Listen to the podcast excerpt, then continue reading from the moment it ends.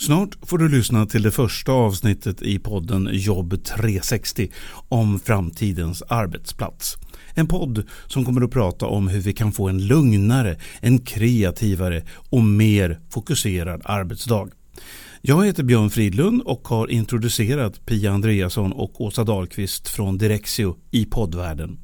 Nu ser jag fram emot att få höra dem föra samtal, reflektera och dela insikter tillsammans med nyckelpersoner i kontorsbranschen. Välkomna Pia och Åsa.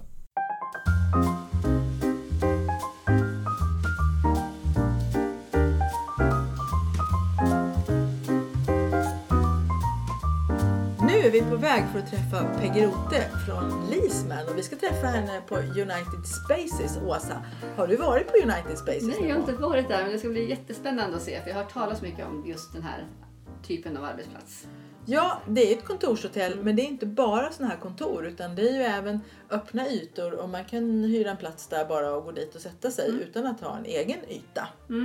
Och Peggy Rote då från Leasman, känner du till henne? Ja, det gör jag också men jag har ju aldrig träffat henne. Så det ska bli väldigt spännande att stifta bekantskap med henne. Ja, Mm. Hon jobbar ju med statistik kring kontor och Leasman mäter ju hur pass väl arbetsplatserna eh, matchar eller supportar det som det är tänkt att man ska göra Men där. Pia, vet du vad? Det kanske eh, Peggy kan få berätta mer om själv när vi träffar henne snart. Vad tänker du om det? Ja, det har du ju faktiskt rätt i. Men jag har en fråga som jag är så nyfiken på som jag måste få ställa först i så fall. Och Peggy är ju så här jätte, jätteintresserad av statistik och siffror. Och jag vill gärna veta hur kommer det sig att hon intresserar sig så mycket för det? Okej, då börjar vi med den frågan tycker jag. Det gör vi.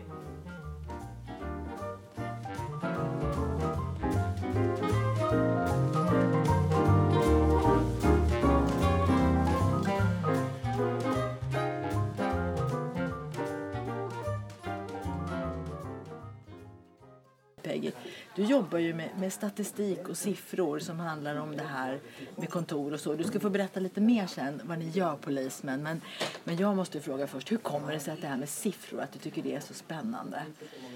Ja, det, jag, har- jag har väl haft ett, ett eh, naturligt intresse. Eller egentligen redan som barn så var jag ganska duktig på matematik.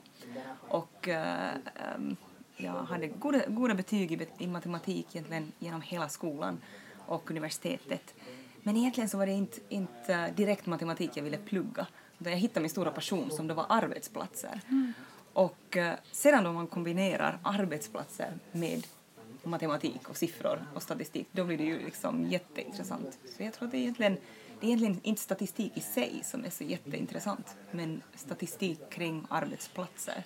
Så det är nog det som gör det så superintressant. Var, varför är det så intressant med statistik runt arbetsplatser då just?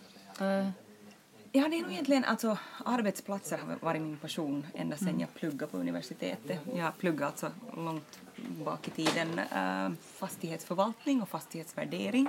Men jag insåg redan ganska snabbt under min studietid att jag var nog inte så intresserad av att värdera fastigheter och, och få en prislapp på, på husen utan, utan det var, det var användarsynvinkeln till den byggda miljön och då specifikt, eller speciellt då arbetsplatser som, som intresserar mig egentligen. Och, och det här, det må, I många år så har det inte, det har inte funnits äh, egentligen statistik kring användarsynvinkeln på, ö, över arbetsplatser utan man, man har, i många år så har man mätt kvadratmeter och man har mätt äh, kostnader och antal skrivbord kanske eller så. Men, men det har inte funnits statistik kring hur, hur väl fungerar faktiskt då arbetsplatser. Det är ju konstigt egentligen att det är så. Alltså Ja. att, att man inte har gjort det. Alltså sedan länge tillbaka. Men Leasman som du började på, när började de då ta reda på de här siffrorna som du säger har saknats så länge? Ja, precis. Uh, Leasman grundades 2010 av, av vår nuvarande VD Tim Oldman. Eh, och det var just egentligen det samma, samma det här eh, gapet i, i den här eh, informationen, att det, det fanns ingen, ingen sån information. Och förvisso har ju eh, konsulter och arkitekter och, och organisationer själva eh, mätt, eller samlat upp feedback kring sina arbetsplatser här och där. Men, men utmaningen med den datan som de då samlar upp är att, eh, att den är ju inte, eh, den går ju inte att jämföra. Det vill säga om, om, den alltid, om, om enkäter till exempel alltid är skräddarsydda till vissa organisationer så går det ju inte att, met, att jämföra en, ett enkät, en enkätsvar med, med resultaten ur en annan enkät. Så det är det som är Lismans Det- styrka då, att ni gör det? eller? Precis, precis. Och det är det som är tanken bakom det. Att vi, vi har en helt standardiserad enkät som, som då alltså mäter hur väl eh, arbetsplatsen fungerar och hur medarbetarna upplever sin arbetsplats. Och eftersom enkäten är standardiserad så, så kan vi då jämföra resultaten från en organisation till den andra. Mm, och jag, jag vet ju att de här svaren som ni samlar in, om jag förstått saken rätt så kan man som företag anlita er och så mäter ni det. Och, och då får företaget betala för det och så berättar ni för dem hur det hänger ihop. Men sen så sparar ni alla de här, tankar ner dem i en anonym databas där ni har hur många svar som helst. Hur många är det idag Peggy? Det ökar ju hela tiden. Precis. Eh, för några veckor sedan så, så gick vi ut med att vi har kommit över 350 000. Eh, och eh, idag har vi 300, Oj. över 370 000. så det gick fort. Men- Så, så vi, vi närmar oss 400 000 med stormsteg. Och då när jag började alltså hos Lismen för ungefär tre och ett halvt år sedan, på hösten 2014, så, så då kom jag in i en organisation med 65 000 svar, vilket jag, jag redan då som tidigare forskare inom arbetsplatser tyckte var, var liksom som att vara ett barn som stiger in i en godisaffär. men eh, men, men den, den datan har ju då ökat alldeles otroligt. Att just nu så, så samlar vi in över 100 000 svar i året. Wow! Och vad är, det, vad är den bästa liksom, godisbiten hittills som du har hittat i den här butiken? Då? Vad är det som hugger bäst? Ja, det, det, det varierar egentligen. Det, jag, tyckte vår, vår studie kring aktivitetsbaserat som vi publicerade för ungefär ett år sedan, det var nog jätteintressant. Även om vissa av insikterna och, och, i den eh, studien och vissa av insikterna som vi delar med eh, hela tiden kan kännas väldigt självklara ibland. Och det, det kan vara sånt som vi tycker att vi vet. Men det intressanta är ju, är ju det när man verkligen då har data som, som visar att det är faktiskt så och, och visar att sambanden, sambanden finns där. Men aktivitetsbaserat, eh, är det någonting som du känner, som du ser blir mer och mer intressant för företag? Eller ser du att trenden är på planar ut nu eller vad har du för? Nej, jag tror, jag tror nog att, att det är intressant. Jag tror att det, det, det kommer kanske vissa variationer, eller olika variationer av aktivitet, aktivitetsbaserat. Ehm, då, då kan vi, i, Australien till exempel, där man har, har sysslat med aktivitetsbaserat ganska länge, så, så talas det redan om, om, om teambaserat arbete till exempel. Eller, Vad är det för så. Ja, frågar du mig så tycker jag att det är egentligen en, en, en version av aktivitetsbaserat. Och det, hänger ju egentligen, det beror ju egentligen på hur man definierar aktivitetsbaserat. För mig är det en, en strategi där, där um, uh, arbetsplatsen stöder olika typer av, akt, eh, olika typer av aktiviteter genom att man, man har en, en uppsättning av olika sorters miljöer där medarbetaren själv kan välja på basen av den aktivitet den ska utföra och det humöret kanske man är på eller den personligheten man har, vilken sorts miljö man vill ha just då. Och, och det här, med basen av, på basen av den, eh, den defini, definieringen, så tycker jag, eller definitionen så tycker jag fortfarande att teambaserat arbetande fortfarande också är aktivitetsbaserat. För där går det ut på att, att hemvisten kanske är lite mindre. Eh, man har en, en mindre hemvist som, som fungerar som ett hem då för teamet. Men teamet har sina egna miljöer och ytor. Så att ett, ett och samma team kanske då har tillgång till mötesrum, till whiteboards, till ett så kallat köksbord till exempel då, där, man, där man kan sitta och arbeta. Och, Så fördelen är att man kanske inte, att man får en definierad yta som gör att man inte blandas ihop allt för mycket. Så det blir lite lättare att hitta varandra och, precis. och jobba i team då. Och den här hem, hemkänslan som är så viktig för att i stora aktivitetsbaserade kontor där jobbar man ibland med hemvister. Och det är ju den största oron man har att hur ska jag kunna hitta mina kollegor och jag kommer att känna mig alldeles vilsen och så. Så Ja. att det här är kanske ett sätt att möta de behoven. Precis. Ja, jag tror att, att um, själva lösning, eh, lösningen, aktivitetsbaserade lösningen är väldigt olika om man tänker att, att man inte har någon sorts hemvister överhuvudtaget.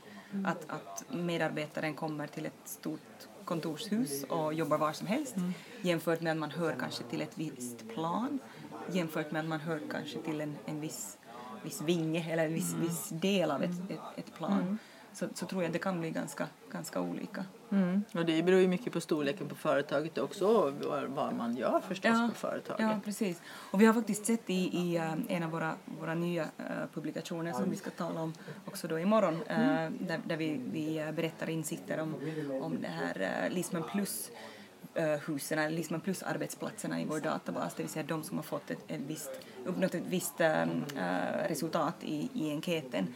Så där när vi, vi granskade de 24 eh, arbetsplatser som förra året, det vill säga 2017, fick en LISMEN plus-certifiering och vi kollar på, på hurdana resultat de har i, i vår fråga kring en känsla av samhörighet, om arbetsplatsen stöder en känsla av sam, samhörighet.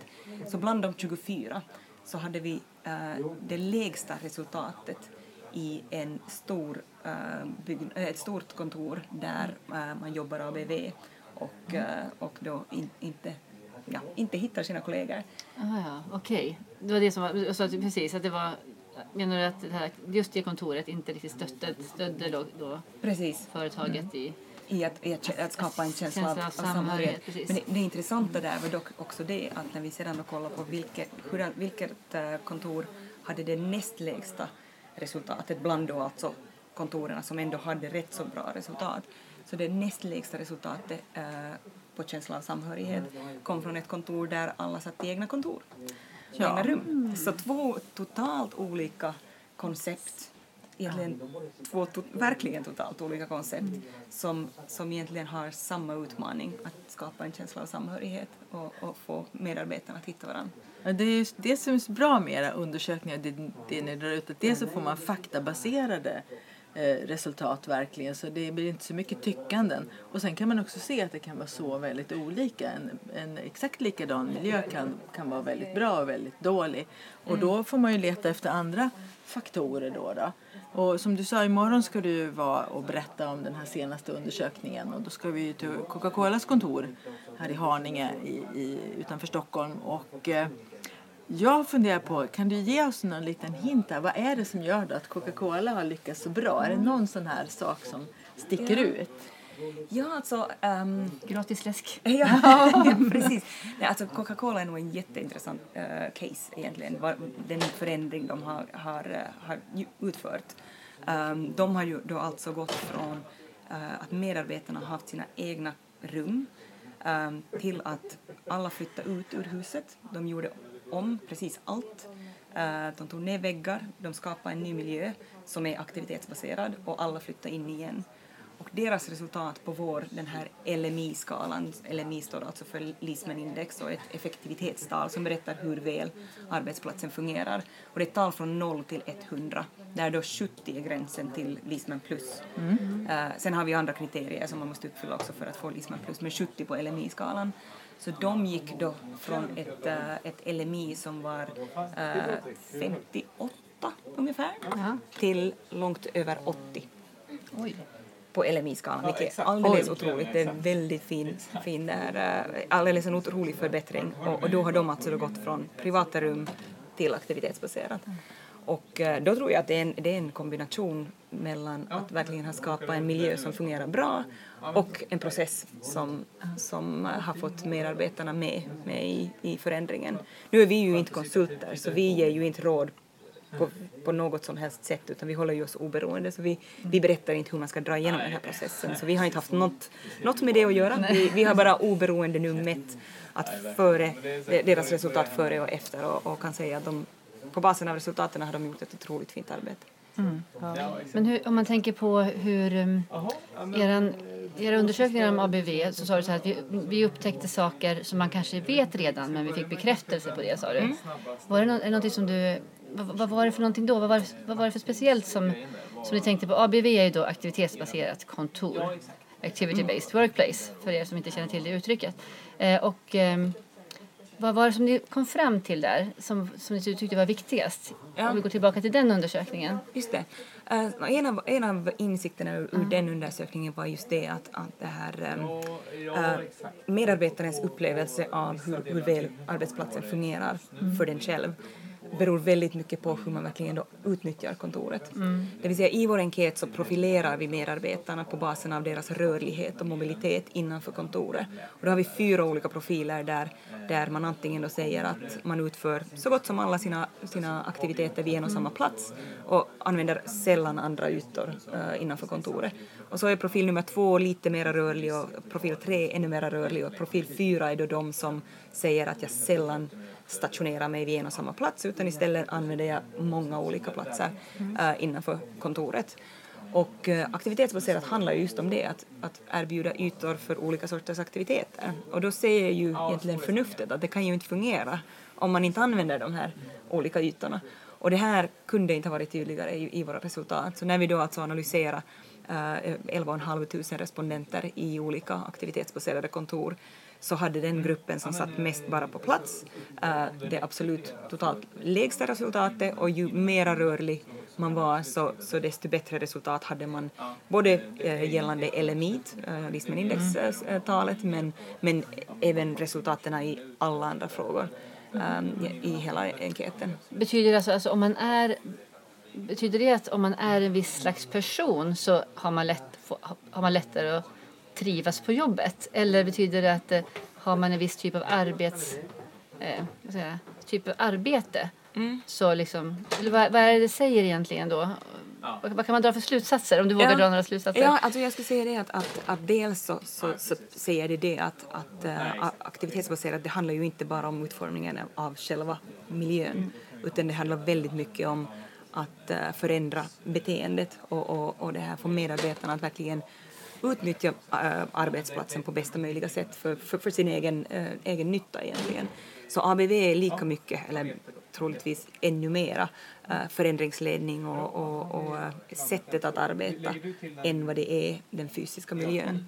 Mm, jag har tänkt på det att en, när jag pratar med, med kursdeltagare då som ska gå över till aktivitetsbaserat, för det är det jag hjälper dem med och utbildar dem i, i hands-on, hur man klarar sig i ett sånt här kontor utan papper och, och sådana saker som man är van att ha. Eh, då har jag mer och mer upptäckt att det finns en viss eh, man har svårt för att föreställa sig det här rörliga arbetslivet och därmed har man också svårt för att föreställa sig kommer jag tycka om det eller inte. Och det enda man vet är att det kommer bli annorlunda. Och där blir det då en viss oro. Mm. Men du säger att det har att göra med hur mycket man kan ta till sig det här att, att faktiskt eh, ta det här rörliga arbetslivet och våga flytta på sig. Ja, fast där är det ju det att, att man um, man ska ju inte flytta på sig för, för, för att flytta på sig. För flyttandets skull, ja, nej. Flyttandets skull, precis. Utan att man funderar Utan, på vad behöver jag just precis, nu för att, att jobba bra. Att, att man väljer den, den eh, platsen som passar just bäst för en själv, för det vad man vill göra. Och, och där är det ju inte det, jag tycker heller inte att man ska tänka sig att det här är nu ett, en utrymme, ett utrymme som passar för fokuserat arbete enbart och det här är ett utrymme där, där alla ska samarbeta, för vi är ju alla olika. Jag personligen har väldigt svårt att, att fokusera och koncentrera mig på någonting jag gör ensam om det är alldeles för tyst. Så jag, jag, jag, skulle aldrig gå, aldrig gå in i ett tyst rum för att sitta och fokusera.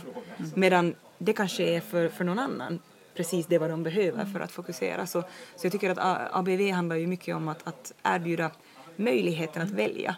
Och, och då, då måste man ta initiativ att välja det som passar en själv bäst. Ja, och våga undersöka det också. Jag pratade faktiskt här en vecka med en projektledare och de har just satt igång sin process och han var intern projektledare och han sa det att jag har alltid trott att jag är en sån här som vill sitta i eget rum. Men nu när jag har börjat tänka på de här sakerna så märker jag att det kanske inte alls är så. Jag sätter mig ibland ute i fikarummet och jobbar och tycker att det går alldeles utmärkt. Och just det där hur, att, hur man får människor att våga upptäcka ja. vad man verkligen behöver och våga, våga göra något annorlunda, det tycker jag är en utmaning. Ja. Men då, det, det kunde jag ju tillägga också att, att det här, det, jag tror att det råder en, ett visst missförstånd på vissa ställen över just vad ABV är. Och, och ibland ser man att det talas om, om aktivitetsbaserat då man egentligen beskriver något som är mera bara hotdesking eller liksom mm. icke, eh, att man inte har en egen plats. Och det är ju inte det det är frågan. Det är ju inte frågan om ett hav av identiska arbetsstationer och inget annat. Och, och tanken är då att du, du, en, du ska flytta från en identisk plats till en annan dag, dag ut och dag in.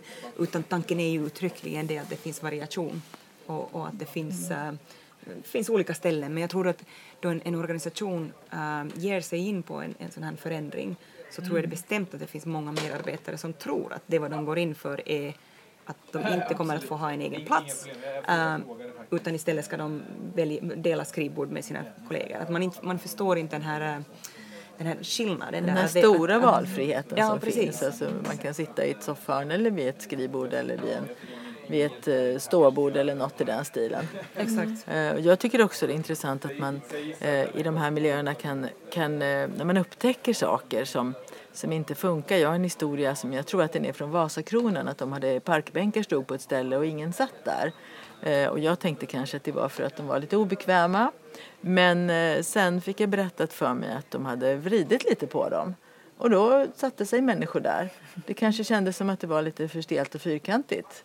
Eh, och nu var vi där senast och, och tittade på ett studiebesök och då hade de tagit bort dem och bytt ut dem och där stod istället några vilfåtöljer. Och jag, Åsa och kollegorna vi tyckte att det här, vi kan vi stanna kvar ett tag här och jobba en liten stund i de här fåtöljerna. Det skulle inte vara så dumt. Eh, och då kunde man föreställa sig själv där och det kanske är det som man behöver göra, att gå lite på studiebesök och titta, låta medarbetarna uppleva hur, hur en sån här miljö kan fungera. Ja, precis. Men, men jag tycker att du lyfter faktiskt där fram en, en, en annan viktig eh, punkt som är att det är ju inte en process som har en början och har ett slut. Så precis som i, i det, det exempel som du beskrev så, så det är ju en, en fortlöpande process. När, man, när man har flyttat in till exempel, och om, om det är en flyttprocess det är frågan om, det tar ju inte slut där utan, utan det fortsätter. Och, och, och finns det utrymmen eller lösningar som inte fungerar så då, då ska man fortsätta och undersöka och förändra och, och, och förstå varför, varför är det ingen som använder det och om det är ingen som använder det så vad kan vi göra för förändring för att göra det bättre? Det skulle man kunna göra även om man hade ett... eh, Alltså, även, om inte, även om man inte har aktivitetsbaserat så borde Ja. man ju alltid jobba på det sättet. Jag tänker att när jag berättar för folk som jag känner på andra sätt än i jobbet och berättar om vad jag gör nu och vad jag, om aktivitetsbaserade kontor och sådär så märker jag att det ofta upprör väldigt starka känslor. Att det blir mycket så här antingen åh vad härligt, gud så där skulle jag också vilja ha det eller aldrig i livet att jag lämnar min plats. Eh, eller så har de någon bekant som de känner som, som inte alls trivdes så, fick flytta runt. Ja men du vet alla de här, det är ganska mycket och likadant det här, vilka var det som bytte, eh, vilka var det som bytte, gick tillbaka från aktivitetsbaserat till, till vanligt kontor igen? En bank, det står bara stilla nu. Det kommer jag inte ihåg. Nej. Men eh, Eh, att de backar tillbaka, backar det är tillbaka. också vanligt. Ja, då stod det var det en artikel i tidningen för ett- år sedan att personal, personalen hade jublat för att de äntligen skulle få tillbaka sina skrivbord. Ja, Så, vad, någon- vad tänker du, vad beror det på tror du? Du har ju nämnt det här lite tidigare också. Vad beror det på att det, det här väcker så starka känslor hos vissa? Ja, alltså, varför det väcker känslor så tror jag alltså, ar- vårt arbete det är ju en jätteviktig del av våra liv. Eh, vi, vi spenderar så mycket tid på arbetet, vare sig det är fysiskt på ett kontor men, eller, eller då någonstans rörligt arbetandes någon annanstans. Men, men arbetet är ju en jättestor del av, del av vårt liv. Och, och trivs man inte på jobbet så, så, det här, ehm, ja, så har det ju en jättestor inverkan på, på hur man mår helt enkelt. Och, och då, då tror jag vi kommer tillbaka till just det att det man inte känner till så har man svårt att, att föreställa sig. Och har du alltid suttit i ett eget rum så har du väldigt svårt att tänka dig hur du ska jobba på ett annat sätt om du aldrig har sett det eller, eller upplevt det. Så det är därför jag eh, det här, eh, sa tidigare att, att det här eh, att ABV och egentligen vil- vilken förändringsprocess som helst så han- handlar ju dels om, om själva liksom lösningen som man går mot men väldigt mycket om själva förändringsledningen och, och att, att hjälpa ibland säger jag få människor eller få medarbetarna att förstå men, men man kanske mer borde säga att hjälpa dem att förstå eh, hur, Att känna sig trygga helt enkelt. Att det, Ja. kommer att, det kommer att ordna sig. Och just att det finns en flexibilitet framåt som du sa. Det är inte färdigt för att vi har flyttat in. Utan, eh, utan vi kan upptäcka saker. Och den första utvärderingen jag gjorde för drygt ett år sedan på en arbetsplats efter att de hade flyttat, det var fem månader efter, så framkom det ju väldigt mycket olika saker. Dels framkom det väldigt tydligt att medarbetarna hade börjat tänka på sin arbetsplats som en, att det går att förändra. Vi borde göra så här, vi borde flytta det dit och vi borde ändra det här så här. Eh, De tankarna hade de inte tänkt på sitt, i sitt gamla kontor. ja, Eh, och sen också hade de upptäckt att eh, mitt innanför ingången där folk kom in på jobbet varje dag stod ett eh, sånt här lite större bord, samarbetsbord. Och då visade det sig så småningom att cheferna landade där på morgonen. Så medarbetarna kunde se sin chef och säga hej och säga du vi behöver träffas idag och så vidare. Eh, Och, och sen så kunde cheferna jobba mycket lugnare istället för att det kom medarbetare då på olika tider och frågade så hade man ju redan sett sin chef i ögonen och, och kände sig trygg med det. Ja. Och det är också en sån sak som man inte kan planera in och som upptäcker, man upptäcker när man börjar använda de här ytorna på, på ett kreativt sätt. Finns det skillnader mellan länder på hur pass mottagliga man är för aktivitetsbaserade kontor? Jag skulle nästan säga att det, ehm, vi, vi har sett väldigt lyckade case i Australien och i Sverige och, och, och ehm, inte så många i Finland. f- Vi har gjort mycket färre enkäter i Finland. Men, eh, men det finns lyckade case där också. Eh, men så har vi sett misslyckade case också i de här länderna. Så jag, jag, tror, jag tror inte att det, det nödvändigtvis har med, med kulturen att göra utan det, kan, det, det har nog mera med organisation, just den organisationens kultur eh, och, och deras förändringsresa mer än att, att svenska projekt lyckas och de i Australien kanske misslyckas eller, eller tvärtom. Det- Så är inte fallet alltså. Finns det några länder där, man har, där det här har spridit sig mer och blivit mer populärt redan idag? Alltså, finns det några föregångsländer, ser du, i just aktivitetsbaserade kontor? Ja, i Holland har man ju jobbat med aktivitetsbaserat eh, länge. Och, och det här, eh, jag brukar säga att Australien känns som att de är lite före, före Sverige. Eh, men i Sverige har det ju, eh, har det ju, blivit, har det ju liksom spridit sig alldeles explosionsartat egentligen. Finland är intressant. I Finland har man också hållit på med det ganska länge. Men man, man har inte talat om det som aktivitetsbaserat. Man använder ett helt annat uttryck i Finland. som, ehm, eh, ja, jag kan säga det på finska, så Ja. heter det monitilatoimisto, vilket är ett väldigt långt ord. Mona... Monitilatoimisto, Mona tiden. Ja, vilket, vilket betyder eh, på engelska skulle jag översätta det till multiple space office.